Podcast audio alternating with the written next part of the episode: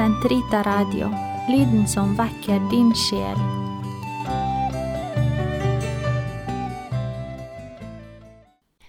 Karmels hage sesong to. Jomfru Maria. Tjenerinne og dronning.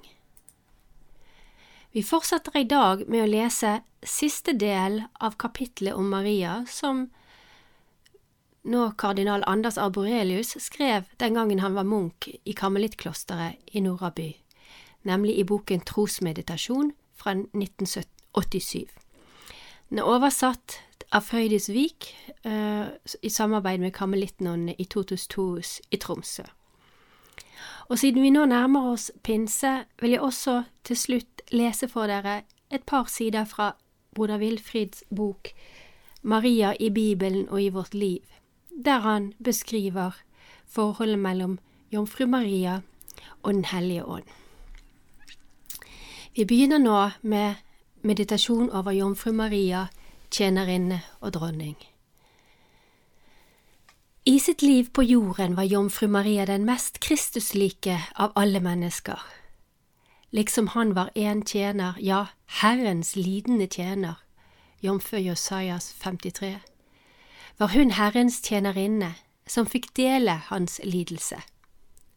Derfor er det også helt naturlig at Maria etter sitt liv på jorden fikk del i Kristi oppstandelse på en unik måte, som samtidig gir oss en anelse om det som er et universelt håp for oss alle. Overbevisningen om Jomfru Marias opptagelse med kropp og sjel til Guds herlighet slo tidlig rot blant de kristne men ble først dogmatisk formulert i 1950. Kristi påskemysterium får sitt ekko og en ytterligere illustrasjon i Marias opptagelse. Samtidig gir dette faktum hele kirken håp og oppmuntring. Maria er urbildet på kirken, og hennes opptagelse er som René Loretin sier det, et eskatologisk ikon. I henne ser vi et profetisk tegn på det som alle kirkens lemmer håper på en gang. I henne ser vi det nye Jerusalem, åpenbaringen 21.11. Marias opptagelse er således både et eskatologisk og et eklesiologisk dogme, ettersom den viser oss at den ytterste tiden allerede er kommet. Og med at en av kirkens lemmer allerede har fått del i den endelige fullendelsen som Kristus vil gi alle sine lemmer. Denne enestående gaven som Maria har fått del i på alles vegne, er alltid en kristologisk og soteriologisk nåde. Det er bare gjennom Kristi seier over dødens og syndens makt at Maria har kunnet bli tatt opp til herligheten. I henne har frelsen blitt total og forløsningen fullkommen. Hun som i sin ånd tok imot og i sitt legeme fikk bære verdens frelser, ble av ham tatt opp med både kropp og sjel til herligheten, til frelsens fullkommenhet. Derfor dogmer dogme Marias opptagelse også en antropologisk, ja, kosmisk sannhet. Den sier oss noe om menneskets mål og bestemmelse, ettersom mennesket i hele sitt mysterium har til hensikt å delta i Guds indre, treenige liv. Parentes, følgelig er det også et trinitarisk dogme. Og når mennesket i hele sin skapte struktur får del i Guds virkelighet, er også hele kosmos trukket inn. Opptagelsens mysterium viser oss at i Maria har forherligelsen av kosmos, som har sin begynnelse i Kristi oppstandelse, allerede begynt å produsere sine resultater. Den er den nye skapelsens morgengry, hvis første stråler siver inn i denne verdens mørke. Guds kraft er allerede i full virksomhet, skriver Jean Danielou, 1905 1974. Jomfru Marias opptagelse kastet sitt lys over hele den kristne tro i all dens ulike aspekter. Enda en gang ser vi at mariologien alltid har en, et tjenende formål, å belyse trossannhetenes indre forbindelse. Maria er alltid tjenerinnen som peker videre på sin Herre, ja, som leder oss inn i det totale samværet med ham. Fordi hun er så ydmyk, skal alle slekter prise henne salig, Lukas 1, 48. I Kristi rike blir alltid de små de største, og de siste de første. Matteus 1, 1930, Markus 10, 31, Lukas 13, 30. Ettersom han selv er både den første og den siste. Åpenbaringen 1.17 og 22.13.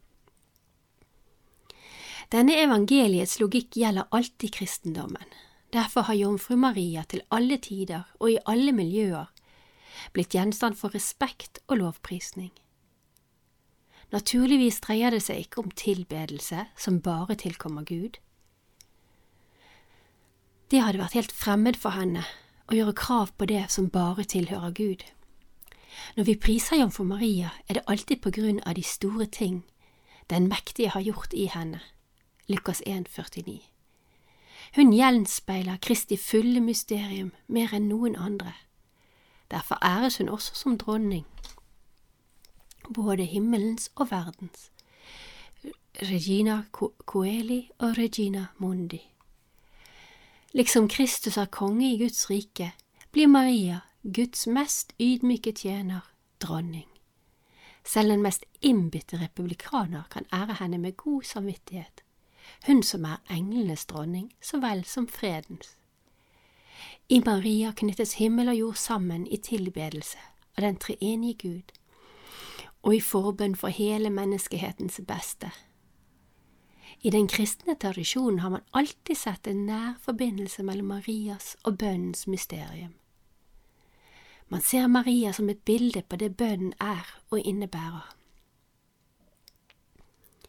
Maria, som sammen med apostlene holdt ut i konstant bønn før Åndens ankomst, er det klareste eksempelet på tilbedelse og kontemplasjon.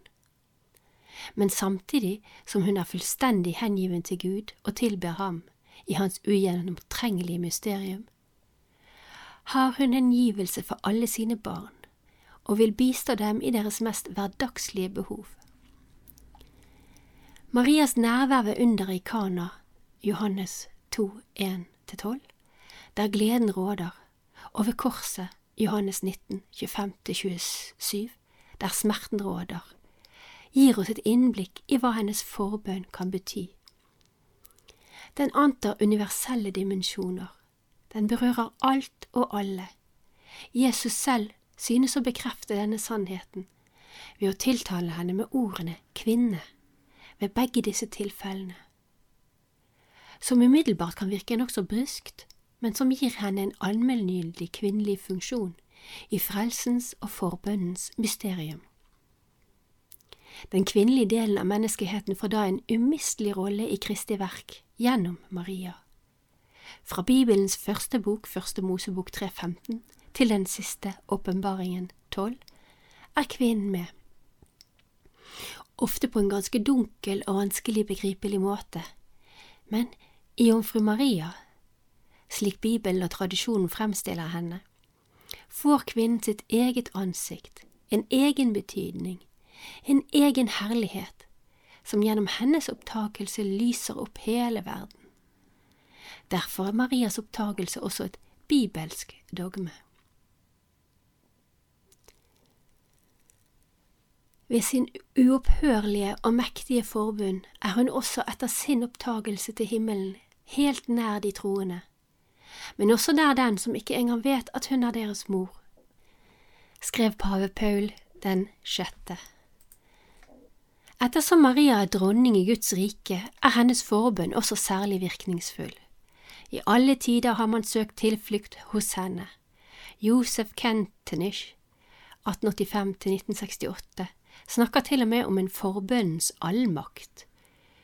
Og Gibert Anogent, 1053–1124, sier med et glimt i øyet at Gud gjennom sitt eget bud, det fjerde, er tvunget til å lye Maria Naturligvis ville ikke hun, som er mer ydmyk enn alle andre, uttrykke seg så drastisk. men faktum er at man ofte, ikke minst i forbindelse med de nåtidige Maria-åpenbaringene, der Maria ifølge eget utsagn er den som holder tilbake Guds rettferdige dom og vrede over menneskehetens synd, får et bestemt inntrykk av at Gud selv synes å adlyde henne, som er Guds mor. Naturligvis er disse paradoksale uttrykksmåtene bare en illustrasjon på Marias totale åpenhet for Åndens inngivelser. Man kan aldri spille ut Marias ømme mildhet mot Guds rettferdige dom. Hun som gjennom den uplettede unnfangelsens nåde er fullstendig mottakelig for Åndens stadige impulsivitet, kan bare hjelpe oss til å få en anelse om Guds ugjennomtrengelige mysterium, der mild kjærlighet og streng rettferdighet er én og samme sak, liksom straffende dom og reddende frelse. I siste instans viser Maria bare tilbake på Gud. Som dronning forkynner hun Guds endelige seier. Som mor vil hun bare hjelpe alle sine barn frem til det salige skue i evigheten. Og allerede nå gi dem en forsmak av det i kontemplasjonen. Som tjener vil hun gjøre Kristi befrielsesverk synlig for alle. Som den nye Eva vil hun stå ved den nye Adam sin side og peke på ham. Som den uplettede vil hun gjøre Den hellige ånds mysterium mer iøynefallende for alle. Som kvinne vil hun åpenbare at hele den menneskelige natur, både i dens mannlige og kvinnelige komponent, er blitt gjenopprettet i Kristus. Som den som er opptatt i himmelens herlighet, vil hun forkynne at påsken fortsetter, og at vi alle er kalt til å ta imot dens glede. Derfor får vi i Maria allerede nå en forsmak på håpets seier over fortvilelsen, fellesskapets seier over ensomheten, fredens seier over forvirringen, gledens og skjønnhetens seier over leden og livstrettheten. Evighetsperspektivets seier over det timelige, livets seier over døden. Som avslutning på denne episoden av Karmels hage, og som begynnelse på denne tiden ved Den hellige ånds komme i pinsen, leser jeg et par sider fra dere fra boken Maria i Bibelen og i vårt liv, som er skrevet av broder Wilfrid Stinesen. Jeg leser fra kapitlet som heter Maria og Den hellige ånd, og jeg leser kun utdrag. I et av sine vakreste utsagn om Maria forklarer konsilet at hun er som formet av Den hellige ånd, quasia spirito sancto plasmata. Hun er et kunstverk utført av Den hellige ånd, et kunstverk som vitner om kunstneren. Å ære Maria er å tilbe Ånden, for alt Maria er og har, er en frukt av hans verk. Det kan ikke være en tilfeldighet at Maria i liturgien blir anropt som advokater nostra, nøyaktig det samme navn som Jesus anvender om Den hellige ånd, parakletos. Den ortodokse kirke kaller Maria Panagia, liksom ånden kalles Panagion, helt hellig. Maria kan ikke skjule sin opprinnelse. Hun er ydmyk og arbeider i det skjulte, liksom ånden, han som ikke engang har noe eget navn. Ånd er jo et navn som tilkommer hele guddommen. Gud er ånd. Johannes 4, 24. Hele hans oppdrag består i å åpenbare Faderen gjennom Jesus. Marias pinse Marias forhold til Ånden er preget av en uhørt dynamikk.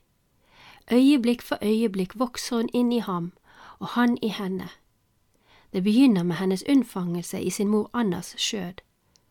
Allerede da er hun helt i Åndens makt. Intet i henne unndrar seg Åndens innflytelse. Ved at alt i henne sier et helhjertet ja til ham, kan han i fullstendig frihet forføye over henne og forberede henne til den oppgaven hun er skapt til, å bli Guds og menneskehetens mor. Vi kan ikke forestille oss hvor hurtig et menneske blir helliggjort og guddommeliggjort når det ikke finnes noe tvil, ikke en skygge av nei i det, når alle krefter er mobilisert og konsentrert om det eneste nødvendige. Få mennesker aner hva Gud kunne gjøre av dem om de uten forbehold ville overgi seg til nådens ledelse. Om de fikk avstand til seg selv og helt overgav seg til denne guddommelige mesteren, slik at han kunne forme deres sjeler mellom sine hender.